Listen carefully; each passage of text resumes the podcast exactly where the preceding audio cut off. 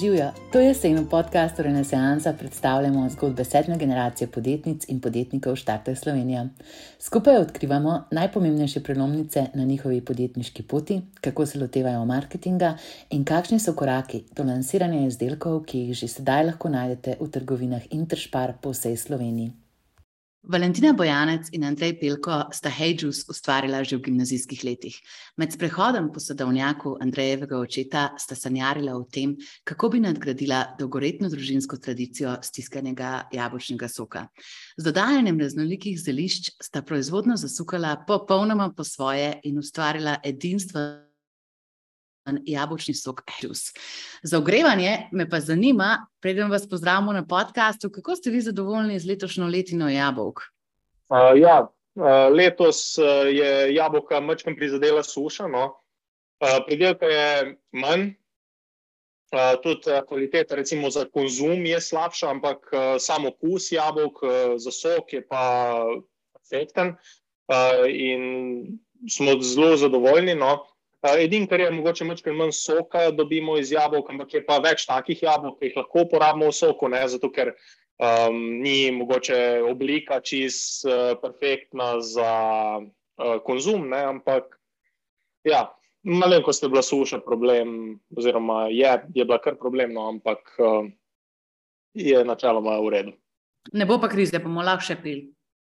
Ja, ja, seveda. To pa dobro ja. slišati. To pa dobro slišati. Okay. Zdaj, pa, ker smo povedali uvodnik, se, se jaz tako romantično predstavljala res vaju, ki pač šetata po nekem sadovnjaku in pač tako sanjarta.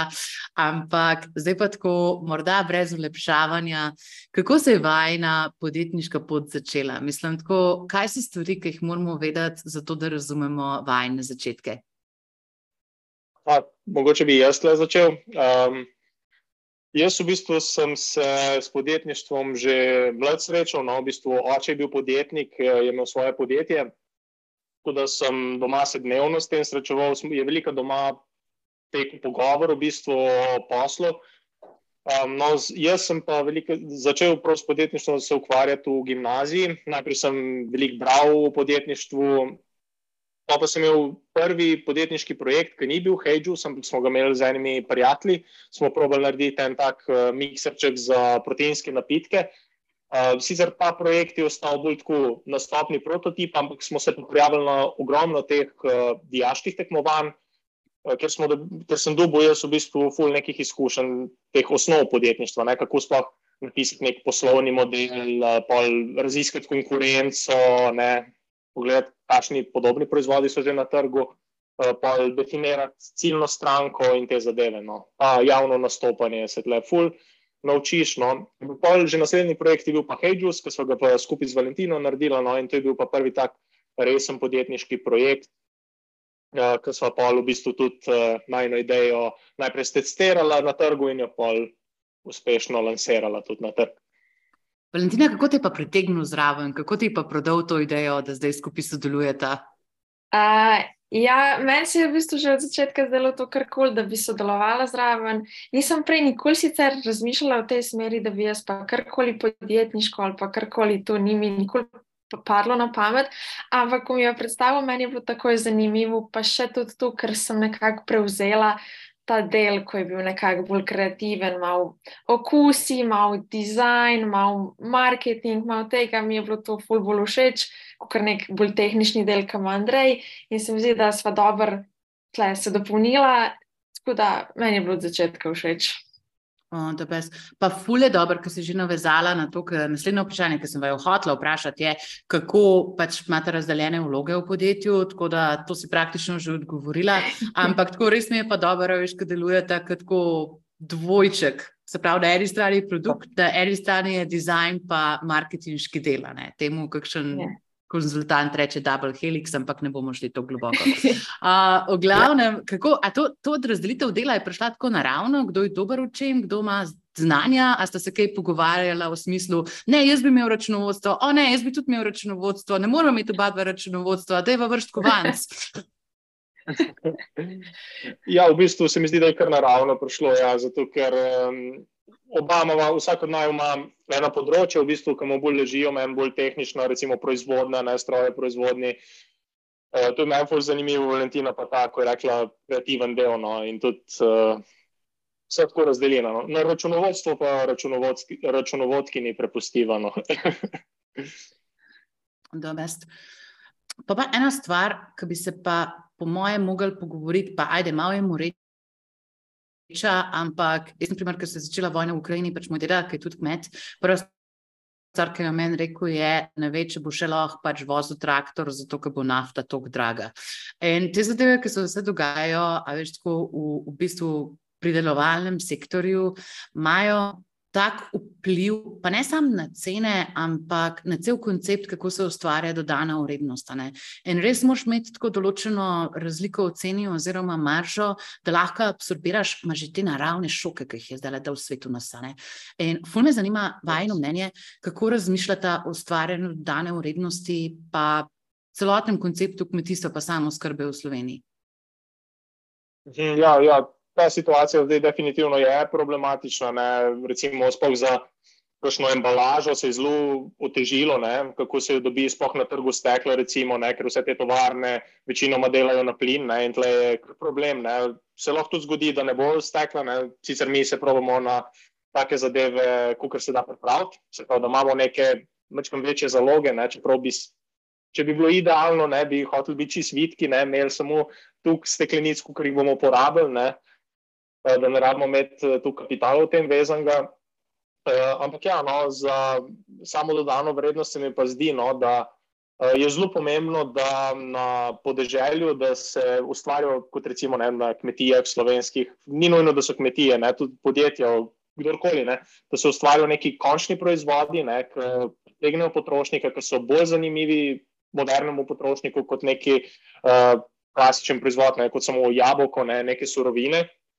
Um, in pa da se mora delati na kvaliteti, ne? ker se mi zdi, da v Sloveniji, ker smo tako mehni, ne? zelo težko konkuriramo s količino, um, kakšnim tujim korporacijam, ne večjim, ampak da moramo pa delati na kvaliteti, pa da so naši proizvodi posebni oziroma nekaj novega, nekaj predrugačeno, kar še ni na trgu da so v bistvu vidni na trgu. No. Se fulaba vedo, pa tudi mogoče, veš, zaradi geografskih pogojev, ka jabolka, ajde, so ena izmed kultur, ki dejansko uspevajo v Sloveniji, pač to tako ni takšen velik problem, ampak jaz sem videla pač tako, ne vem, na pšenici, ne, pa imajo po dve, pa po tri letine, pač tako na enih zemljih. In tukaj pač enostavno zaradi vremena ne moreš biti konkurenčen, zato ker z eno letino na količini ne moreš kontrolirati. In res se mi zdi tako dober, mislim, da si to povedal, koliko je res pomembno, da se ne ustrašimo marketinga in dizajna in te podjetniške strani, ampak da poskušamo čim večjo dodano vrednost ustvariti.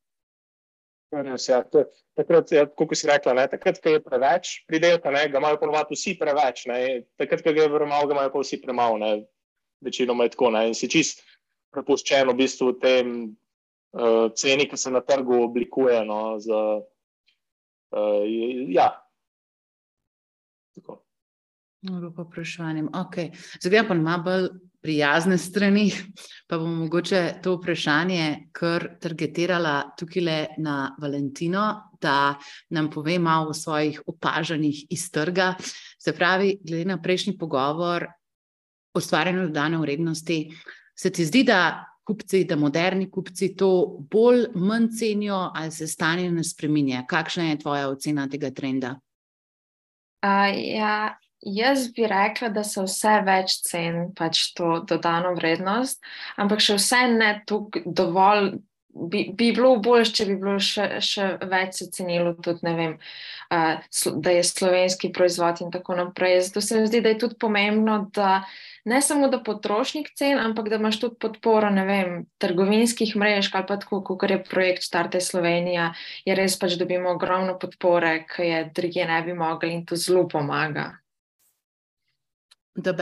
Kaj pa, če se mogoče dotaknemo za trenutek še teh generacijskih razlik? Zato, ker mislim, da okay, je zdaj pač trenutno aktualna generacija Z, pred desetimi leti, ki sem pač jaz bila vaših let, je bila aktualna generacija Y, res smo se vsi o tem pogovarjali.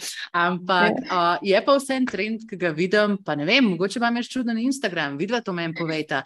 Ampak da se mladi vse uračajo na kmetije, pa pač tako vrtovi se postavljajo, da je to tako neki ki se vse več dogaja. In zdaj me pač tako zanima, če gre kakšen podaljšek pandemije, pa teh naših čudnih hobijev, ki smo si jih takrat razvili, ali je to ena taka trajna družbena sprememba?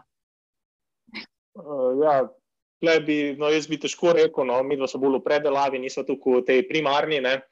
Eh, proizvodnji, ampak uh, zdi se mi, no, da če hočeš res od kmetije živeti, moraš biti ali res moraš, moraš imeti nek tak nišen proizvod, ne, ali pa moraš biti zelo velik, ne, da si lahko tega živiš. Je pa sigurno veliko zanimanja za te bolj uh, hobi kmetijstvo, ko bi rekel, ne, neko vrtičkanje, bolj uh, nek manjši vrci v stvar. Tu pa bi rekel, da je kar pentja. Da bi jaz videl to valjda mata, ne? Ja, ja jaz sem v bistvu. Jaz sem v bistvu tudi iz manjše kmetije doma, tako čist malo mal eh, mesa in malo jajca in malo na njivi in tako, ampak vse to delam v bistvu čist sem zase, samo skrbno in v bistvu smo trije otroci in zdaj v bistvu vsi smo doštudirali in mislim, jaz še študiram, oba dva starejša vrata sta že doštudirala in imata službo in v bistvu ni to, da bi se pač preživljali s kmetijo, ampak jaz sem kot neki, neki za zdraveno, da, da imaš svojo hrano tako. Ne bo tudi tako, da se zadeve spremenjajo, pa ne veš, kaj se bo dogajalo. Mislim, da se ne znašem biti zdaj preveč apokaliptična klele, sam ej, pa še, da imaš kakšne domače paradižnike, pa tako da veš, da ja. če rečeš drugega, pač ta neki boš pa že predelu na vrtu. Uh, Je pa tudi to res, da kot pa imamo vsi to, pa sam pač trajamo, kdo bo vzel še kakšno glavo solate. Yeah. Ja. Kako me čakamo, kakšnega obiska iz Ljubljane, pol, kakšno glavo solate še odnese. Yeah. Ja. Ampak dobro, to so drugi problemi. Mi se moramo zdaj osredotočiti na to, ja, zdaj se bomo na hejču osredotočiti. To je bilo samo grevanje. Pa makroekonomija. Um, se pravi, zdaj me ful zanima, ker sta večkrat poudarila že, da je to predelovalna dejavnost in full. Awesome in full amazing vprašanje je, seveda, kako sta videla prišla od tega, da imate predelovalno dejavnost na področju jabolčnika, jabolčnega soka, do končnega proizvoda. Kako je potekel razvoj in prilagoditve proizvodne? Ja, zdaj jaz lahko povem ta del, kot, kako je prišlo od ideje. Ideja je bila nekako spraviti jabolčni sok na nek nov nivo, na nek, neki, narediti nekaj unikatnega iz njega. Je bilo pač nekako, da sva vzela to uh, možnost, ki jo imajo pri Andreju doma, da je ta proizvodna, eh, kjer se pač lahko dela nefiltriran jabolčni sok in sva pač probavala vse možno, kaj se lahko doda. In sva, ne vem, probavala sva s nekimi super hrani, nekimi pravi krahci, gorano. Kaj je bila najbolj čudna stvar, ki ste jo naredila? To me res zanima. Uh, gorano smo dala v sok in je za noč.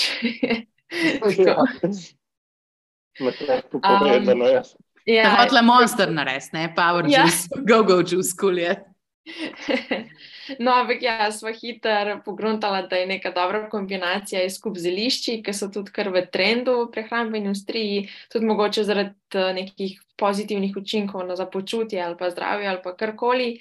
In nekako prvo smo ustvarili okus limonska trava, ki smo ga pol tudi testirali na trgu in šele pol smo še razširila pač. Um, Ponudbo zeliščnih okusov na še kamilco, mačo in meto.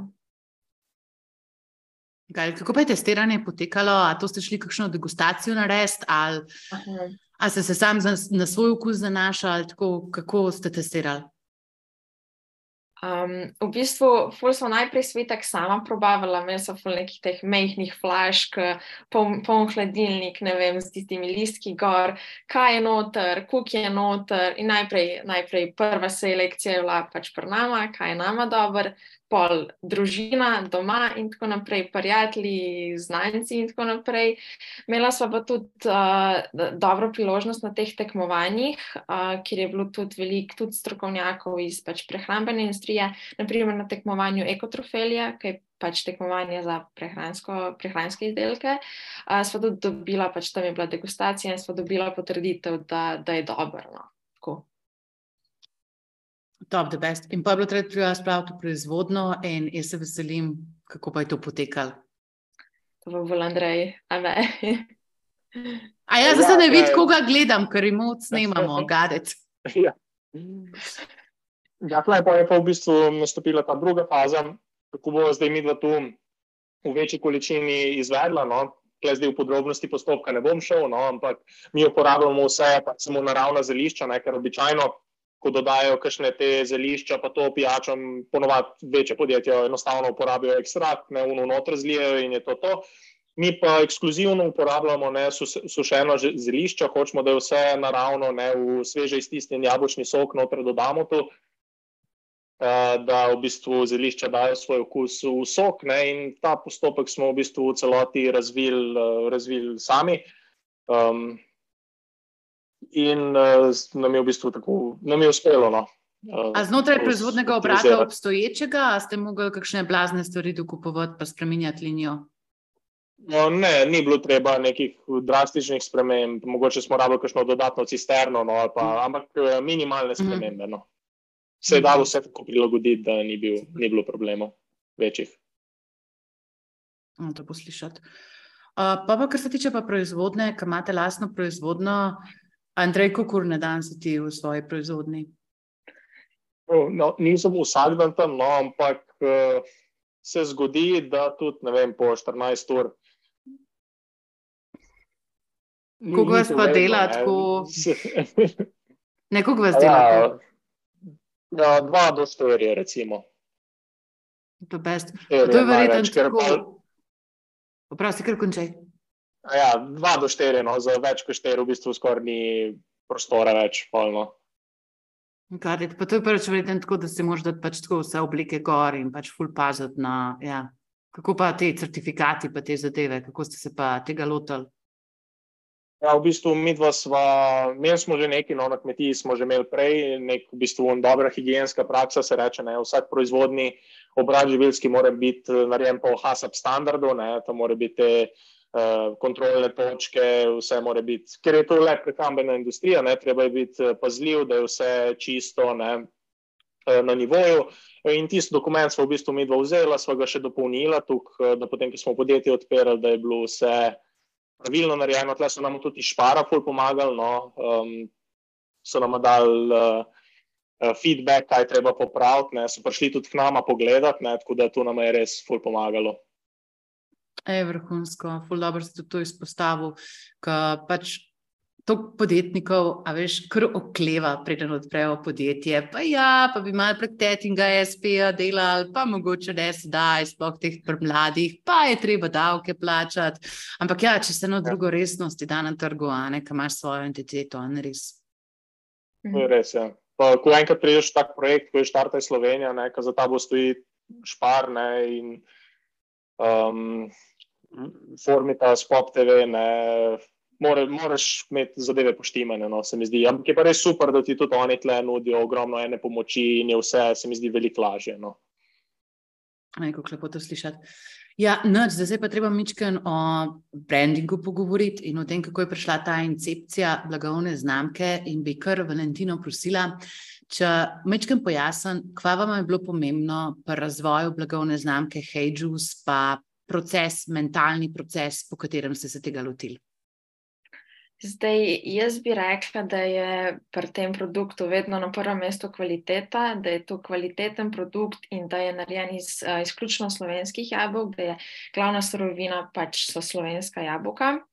Uh, zdaj, uh, ful smo pa tudi dala poudarka midva na ta lep dizajn, da produkt izstopa na policiji, da je pač tak dizajn minimalističen, ampak ful pač nama fule, v glavnem. Da, ja. Ja, sem imela tudi srečo, da smo spoznala eno dizajnerko, ki je v bistvu se ful poklapala z nama in smo imeli podobne zadeve, ki so nam bile všeč in nam je res v redu uspelo narediti. Produkt definitivno izstopa. Pač, ko ga enkrat vidiš, si ga zapomniš, tudi ti, ki si med ali bil že hejču, sem jaz takoj vedela, zakaj se gre, pa sem ga samo ene dvakrat videla prej v naravi. Uh, pa verjetno to izhaja tudi iz nekega poznavanja ciljne stranke. In mogoče bi bilo fajn, da se malo pogovorimo, kdo je ciljna stranka, pa kaj so tiste vrednote, ki so za vašo blagovno znamko. Tako, kakšen je svet, ki ga vi ustvarjate? Ja, čisto tehnično, ne, mi smo ugotovili, da so naši kupci nekje od 20 do 45 let, ne, da veliko so tu kakšni fudi, ki zelo radi poskušajo nove prehrambene proizvode. Predvsem pa ljudje, ki dajo prednost nekim lokalnim pa naravnim proizvodom, ne, uh, naprimer ljubit, pa tudi ljubitelji sokov, ne, in pa tisti, ki imajo radi naravne sestavine, ne, slovenski izdelek. Cool. V glavnem. Kako si pa predstavljamo svojo ciljno stranko? Ne vem, ali je to tako ženska, ali živi v mestu, ali, tako, ali imamo kakšne demografske indikatorje, kako bi lahko opisali idealnega kupca, ali je zgodba širša? Ja, mislim, da bi tle lahko opisal kar veliko takih profilov. No? Ampak, ja. ej, ej, veš kaj, oprosti, drugače bom vprašala. Ker ste videli na degustaciji, kdo se primarno pride k vam? A, ja, tako bi rekel, no, večinoma ljudje tako srednjih let, mlajši tudi, uh, ki jih zanima, ne, kaj je to.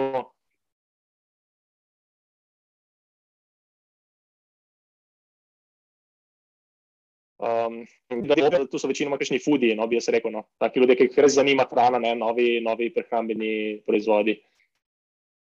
Ker brend pa je mičkem bolj mladosten. Tako, veš, v primerjavi mislim, s tipičnim jabolčnikom, ker si navajen gledati pač tako sliko jablane, ki cveti, pač tako jabolka tam zraven, je vsem pač tako, ja, tako je, tako si jaz to zapomnim.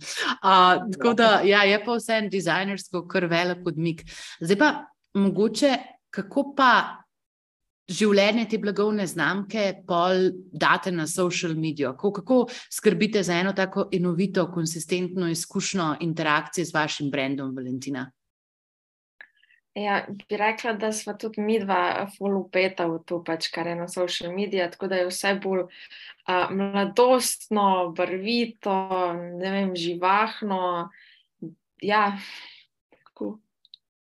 Ej, pa tako, ko ste na social mediji, a vas ljudje že kaj sprašujejo, tako, a jih kaj zanima v izdelku? Tako, kje so tiste vprašanja, ki jih postavljajo vam kupci? Dobiva, večinoma dobiva tako ful veliko pozitivnih feedbackov. Ja. Zdaj, vprašanja, mislim, veliko vprašanje je to, ali mi dva to sama delava, ne, ali to take stvari, no. Ja, če imamo lastno proizvodnjo, to je tudi zelo pogosto. Ja. Pa to je pomembno, ne? to je velik diferencijator za vaju. Uh -huh. ja, se, se mi zdi, da ljudje tudi radi vidijo, ne, da ti sam stojiš za tem produktom, da imaš tam proizvodnjo, da veš vse, v bistvu cel postopek, kako je to narejeno, ne, da res stojiš za svojim proizvodom. Ja, fair. Uh, kaj pa, tako pa si rekel, da dobivate pohvale, kaj pa ljudje hvalijo? Uh, ja, predvsem okus, no, tudi uh, na dizajn so dobila že veliko uh, fi, pozitivnega feedbacka. No. Ampak ja, veliko feedbacka dobivava za dober okus. No. Da je ljudem všeč kombinacija zelišč in pa jabolčnega soka. In zdaj je fulj pomembno vprašanje, kako se pa okus komunicira. Se pravi, ti na družbenih omrežjih, a pa pač tako v trgovini, verjetno tudi pač glih, da je verjetno, da boš letel na degustacijo. A, kako ta koncept okusa približati kupcu, ki izdelka še ni okusu? A sta se tega problema že lotila, tako, kako ga rešujete? Se pravi, ko vidiš izdelek na polici, wow, dobro zgleda, ampak ne predstavljam pa si, kakšnega okusa bo. Kako to rešiti? Ja, tle je ja, mogoče problem, ne, um, ker naš jabolčni sok, ne, veliko ljudi um, je kar začudenih, ne, ko proba naš sok. Je to res jabolčni sok, ne, ker so navajeni tistega bistrega jabolčnega soka, naš že zgleda čist drugačne, pa ga pa še probajo, ima pa še veliko bolj poln okus. Ne. Um, ja, mi probamo na embalaži tu čim bolj uh, komunicirati no, v imenu, v okusu. Um,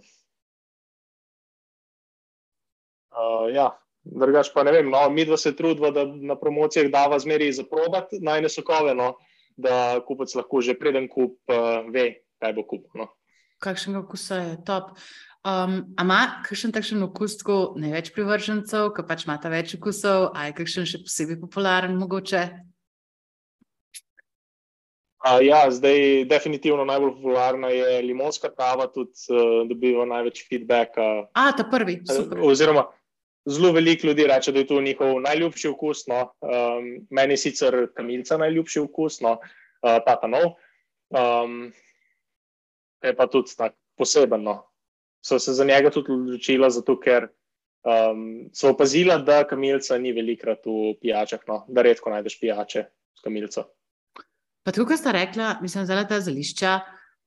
Pa zdaj, lej, to, da ne bom na robe tega razumela, jaz pač nočem delati nobenih medical claimov, pa karkoli tazga, ampak, ker naprimer ti rečeš kamilca, jaz pomislim pomirjanje. To pijačo moram zdaj jaz pič, se hočem pomiriti. Ka, da vem, mi rečeš mača, jaz pač mislim, to je pijača, s katero se bom naenergizala. Tako, a je, mislim, v brendu, pa v teh okusih tudi kakšna takšna incepcija tega, da gre za neko funkcijo, pa ne, ne bom rekla za placebo učinek, ampak vsaj to za subtilno povezovanje zelišča z učinkom. Ja, definitivno. Uh, tle najbolj listopa, ko bi rekel, mača, po moje, ne, ker je res tako energijski. Ne. Mača je japonski zeleni čaj, ki vsebuje zelo veliko naravnega kofeina. Ne. Ja, ja kamilca je definitivno tako bolj pomirujoča. Tudi tu probavamo komunicirati na naši embalaži ne, s stranko, um, kaj ni mogoče ne poznajo mače, samo mi, da smo mislili, no, da veliko ljudi ne bo poznalo mače, na začetku je ni, ampak se mi zdi, da če dalje več ljudi no, že ve, kaj je mača in hoče probati zelo hitro tisto. To že vajo, da je v bistvu energijski. Tako kot Gvarana, sam Gvarana ni bila dobrega okusa. Ja, Top. Valentina, kako pa tako iz vidika komunikacije tega na družbenih omrežjih? Um, a je to tako izziv? Mislim, da ti se spravljaš objavljati, a tako imaš full idej, kaj objavljati, a moraš se malo bolj skoncentrirati, ker je toliko različnih variacij izdelka. Tako, kako poteka tvoj proces, da te benefite oziroma te prednosti izdelka skomuniciraš na družbenih omrežjih v marketingu? Ja, jaz bi rekla, da je to kar izziv, še posebej zaradi tega, ker se ful bojim izpostavljati neke prednosti, ker res ne vem, kaj lahko, pa kaj ne smeš, ne? ker je tle velik uh, omejitev, kaj lahko dejansko trdiš, ker ne vem, kliničnih študij ni, uh, so pa pač kako. Mm, eh, Praktično, praktične, pač iz praktičnih izkušenj, da vemo. Tako da se tle zaenkrat ful nazaj drživa, ampak si želiva, da bi v prihodnosti še bolj izpostavila vse pač prednosti, še posebej ja, kamilce pa, pa mače. Da, ja, in meta ima tudi neke svoje pač, prednosti, ampak nismo še uh, zelo izpostavljali do zdaj. Ja, vse je fair, zaradi tega, ker pač tako health claim imaš pač mm. na tem področju je tako, da boš dobil klufuto.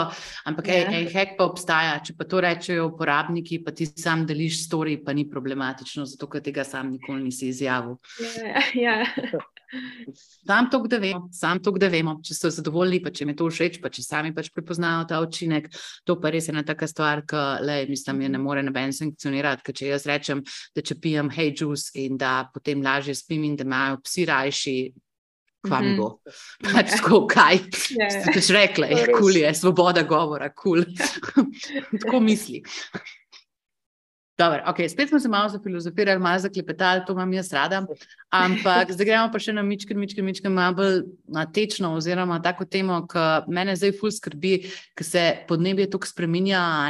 Letos, kot smo še že omenili, so bile te suše, pa tako, ker si v bistvu eni taki dejavnosti, ki si odvisen od kakovosti letine. Tako, a imate vi kakšno sekundarno dobavno verigo oziroma kakšno zanko, prek katere zagotovite, da uskrba kljub dejavnikom iz okolja ne bo prizadeta? Ja, mi, v bistvu, mi v bistvu, ko smo zvedeli, da so prišla v Staro Slovenijo, ne, oziroma sploh, ko smo dobili naročilo, smo vedeli, da bomo mogli se pravi razširiti to verigo dobaviteljev. Mi sicer doma nek nasad imamo, ampak ta nasad je bil že za to v bistvu prvo naročilo premehen, zato smo mogli iskati uh, nove dobavitelje. Tle smo imeli več dejavnikov, ki so jih mogla upoštevati, ne, ker naš sok je tudi nosil certifikata izbrana kakovost. Slovenija, se pravi, tudi vsi eh, dobavitelji jabolk slovenski morajo imeti ta certifikat. Ne. Njihova jabolka mora imeti ta certifikat, da jih mi dva lahko predelujeva. In ja, smo se pa hotla fokusirati čim bolj na v bistvu to, ta lokalen krok, ne, da so vsi dobavitelji čim bližje uh, naju, ne se pravi, da jabolka ne vozimo od nekje daleč. Uh, Uh, tako da, ja, se mi pa zdi, no, da imamo v Sloveniji dovolj jabolk. No, tudi če je slabša letina, se zmeri da dobiti uh, kakšna jabolka v Sloveniji, no, ker jih imamo kar veliko. No, to pa zelo lepo slišati, vsaj nekaj, vsaj nekaj nam dobro uspeva. Uh, tako da, ne, pol mi pa všeč, da še vedno delate oziroma sorsate, najdete dobavitelje v um, lokalnem okolju, zaradi tega, ker to ne na zadnje, veš, tudi za oglični vtisk. Mogoče je bilo fajn, da se še malo pogovorimo o viziji trajnosti oziroma o vzdržnosti vaše predelave pa izdelka. Kakšno besedo na to temo, prosim? Uh, Ja, mi dva se trudimo, vse, kar uporabljamo v uh, embalaži, ne, da je čim več stvari, da se da reciklirati, ne, zato uporabljamo tudi stekleno embalažo. Ne. Uh, tudi pri sami proizvodnji ni nekih uh, hudih odpadkov, ne, v bistvu glavno odpadek, kar nam ostane, so tropine jabolk, ki se pa i tako dajo kompostirati, ne, tako da to sploh ni problem. Tako da resno se mi ne zdi naša proizvodnja neki energijsko potratna, no, tudi uh, tako, no se trudimo, da bi v bistvu čim bolj uh, delovali v tej smeri trajnosti. Top. Pa to tudi komuniciramo, mislim, na social medijih, je to pomembno za naše um, ciljno skupino, za naše odjemalce. Ja, meni se zdi, da, ja, ja, da ljudje če dalje več gledajo na to, da jim je pomembno. Ne, tako kot jim je pomembno, da je proizvod lokalen, slovenski, je tudi pomembno, zdaj, da ni zavit v sedmih folijah pla, plastike. Ne, pa, Ne? Tako da se mi zdi, da, ja, da je tudi to, če dalje bolj vpliva na odločitev potrošnika. Tako da je definitivno treba komunicirati tu s strankami. Pa vas je še ena stvar, ki sem prej razmišljala, ko si pa rekel, da so ciljne stranke v bistvu te fudi oziroma te, ki radi probavajo nove zadeve. Kaj pa to pomeni za ponavljajoče nakupe oziroma za mislim, ful mi pet reči redne pivce, redne odjemalce, bomo rekli, prav redne odjemalce, ponavljajoče stranke. Kako pa, mislim, tako ljudi proba to, pa koliko jih pa redno konzumira? A imate kakšno predstavo, kakšen je ta procent? Ja, tle, glik smo dobili eno par feedbackov, no, ljudi, ki so probali, ne, pa pa mm. naslednjič slikajo polno košarco, ne, ki so šli še kupiti. Uh, tako da to je nama bilo full top, ja, ampak definitivno se moramo mi dva tle truditi, ne, da bomo iskali čim več načinov, zakaj vse lahko hedžuse uporabijo. Ne. Tudi glih zdaj smo končala, oziroma Valentina je končala z dizajniranjem enih letakov za koktejle, ki se bojo dali iz hedžusa narediti. Ne. Tako da tudi mi dva iščemo čim več načinov, uh, kako bi še lahko naredila naj en sok zanimiv uh, potrošnikom, da bi ga redno kupovali. Ne. Ej, the best, fully inovativno. Mislim, a nam lažje, če še en koktejl zaupaš, a je to še skrivnost?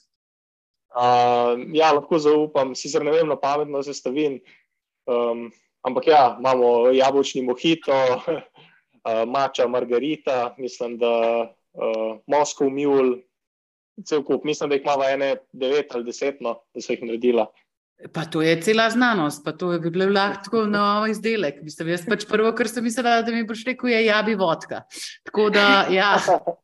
To je, to to je bolj enostavno. To je pa definitivno bolj sofisticiran proces. Ne, pa, aj tukšne aplikacije v kulinariki, tako da se tudi kaj favorizira lahko s tem. Um, a ste to že kaj gledala?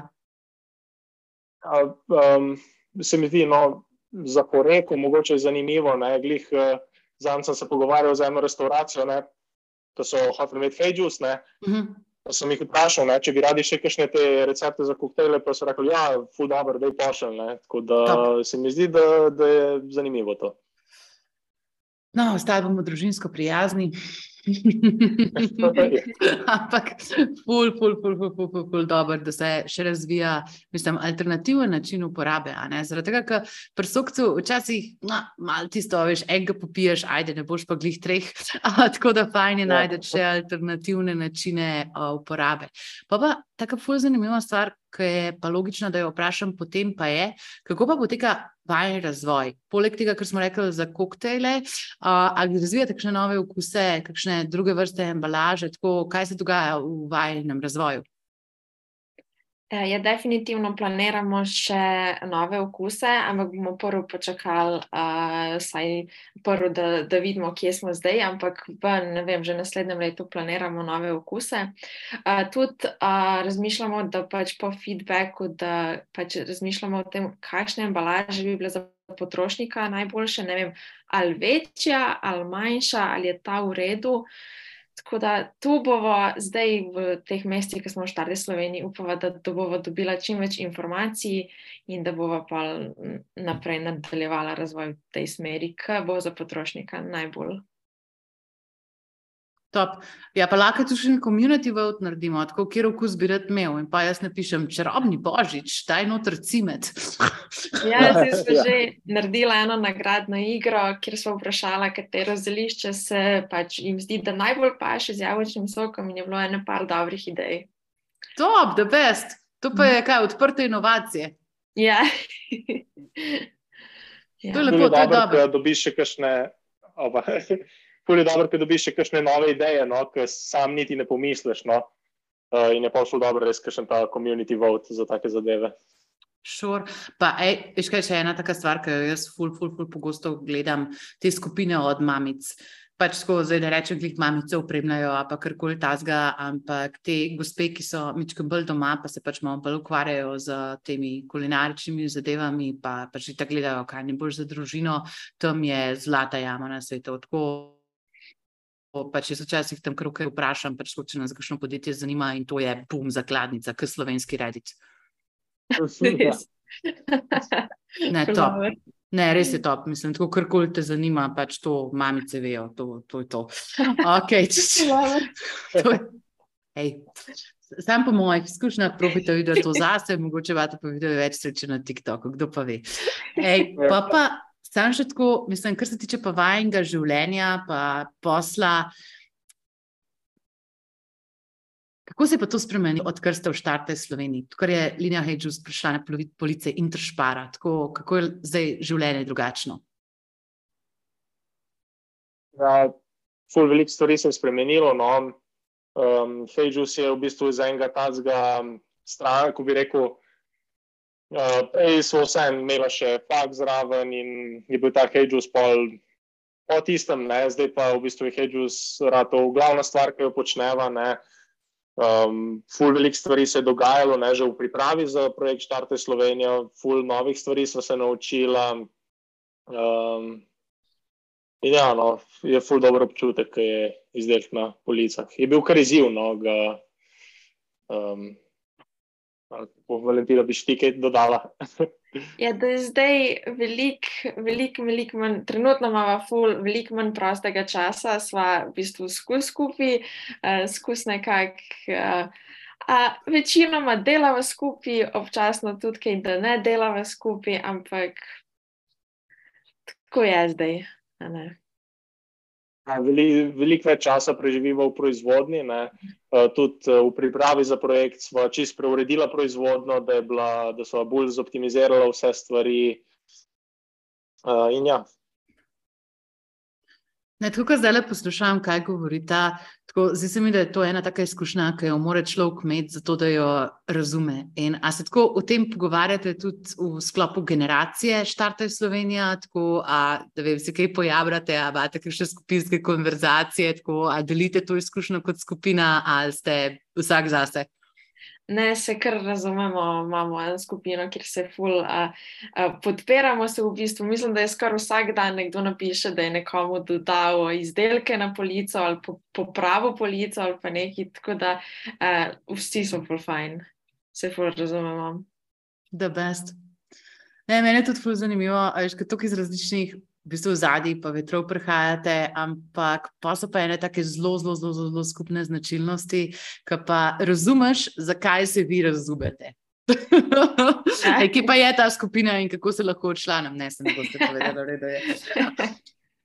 Cool je. Ja, ful je, ful je, ful je ta, si med sabo tako pomagamo, no? delimo izkušnje tudi. No?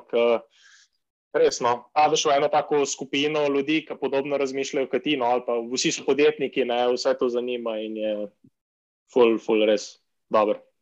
Ne, da bi se že videl tam na otvoritvi policije, pač, kako ste, kako ste ekipca, no, mislim, kako pač tako nadaljujete tisto, a tekmovalo, ja, če jaz zmaga, boš ti izgubil, a neki, ampak tako, da vsi pač skupaj funkcionirate in da je en takšen res dober vibe uh, v skot ene skupnosti. Ok, čič, in zdaj še zadnje vprašanje ful pomembno vprašanje za naše poslušalce. Kaj zdaj vajen na svet nekomu, ki se podaja na podjetniško pot? Tako, kaj ste se video naučila, kar res pač tako mislite, da bi mogli vsi vedeti, ki se podajajo na podjetniško pot? Um, jaz bi v bistvu kaj rekla, da, se ni, da se naj ne bojijo naučiti se sami nekih stvari delati. Ker mi dva sva pol velik stvari se sama naučila in jih delava zdaj v bistvu sama. Ne vem, naprimer oblikovanje nekih teh letakov, pa to v bistvu zdaj vse sama, pa čeprav nisva pač par let nazaj še ne znala, ne vem, spletno stran je Andrej sam sprogramiral, uh, tudi ne vem. Oh, wow. uh, vo, ja, vodenje te evidence, da v bistvu skladiščenje, koliko imamo soka, koliko imamo surovin. To je tudi v bistvu Andrej naredil eno v AppSheetu aplikacijo, da imamo to samo. In se mi zdi, da je dober, ker še posebej na začetku nimaš nekih sredstev, da pač nekoga plačeš, pa tudi dobro je, ker prehraniš kar nekaj časa, ker ne vem, zdaj ko raba nekaj spremeniti na spletni strani ali pa nekaj dodati pač naredi to, Andrej, in ne čakaš pač nekoga zunanjega, ker zna trajati. Moraš biti pa pol prej pripravljen, tle pa pač ni treba. Andrej naredi to ob desetih zvečer, če je treba. Ja. Ja, to je super, mislim, ja, je pač tega v biznis. Tako da, ja, ja. če bi to zaposlenemu rekel, da mora narediti. Mm -mm. ja. Ja, Moraš biti tudi, se mi zdi, full ustrajen, no, ker ni nujno, da bo zmeri vse ratelo v prvo. Sure. Um, tudi mi, ko smo začeli s prodajo, ne, najprej smo začeli po lokalih, ne pa greš v en lokal, pa drug lokal, pa ti rečejo, da je to čist brez veze. Ne. Pa lahko prideš po en lokal, pa so bo funo vdušeni, ne, pa postanejo redni odjemalci. Pa se ti zgodi še kakšna tako dobra stvar, ko je štarte Slovenija, ne, ki je pa itak uh, glavno. Ne. Kar se največja stvar, eh, ki se je tam do zdaj zgodila. Pa mora biti tudi potrpežljiv, no? ker mi dva sva, koliko časa na Valentina že delava, Pejus. Štiri leta. O, oh, wow. Štiri leta, ja, no. Hudo. Ne, to pa definitivno taka pota, veš, kaj nekje je, da si si pred pol leta nekaj spomnil in pač zdaj pač je, trg, tukaj sem, boš vzel od mene. Ali pa po drugi strani, da si res pač že preizkusil stvari, pa naredil ta um, te, težko domačo nalogo, ki ja, te naredi drugačnega podjetnika. Pač naredite, da se vse lohrata, pač ni tisto, da moraš pač tri leta grindati, zaradi tega, da ti pol enkrat uspe, ampak vsem pa. Ja, te izoblikuje v prav posebno osebo, ki morda pikico lažje prenaša stres in tudi kakšen neuspeh. Ne? Definitivno.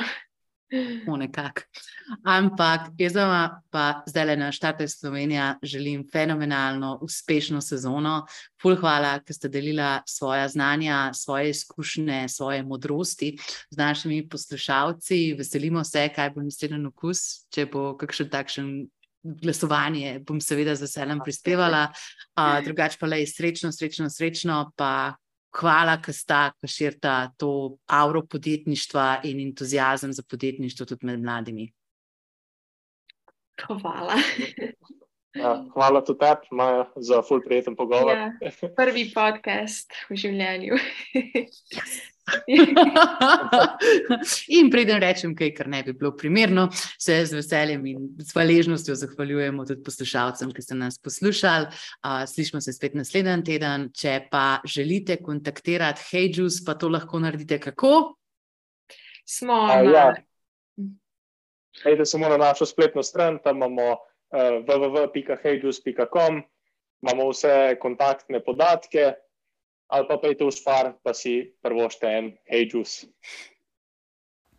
Navdušena sem, da lahko predstavim takšne navdihujoče zgodbe, ki dokazujejo, da sami zmoremo veliko, skupaj pa zmoremo vse.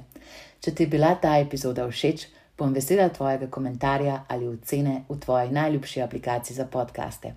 Če pa imaš svojo podjetniško idejo, ti lahko namignem, da se bodo kmalo odprle prijave za že osmo sezono Štartaj Slovenija.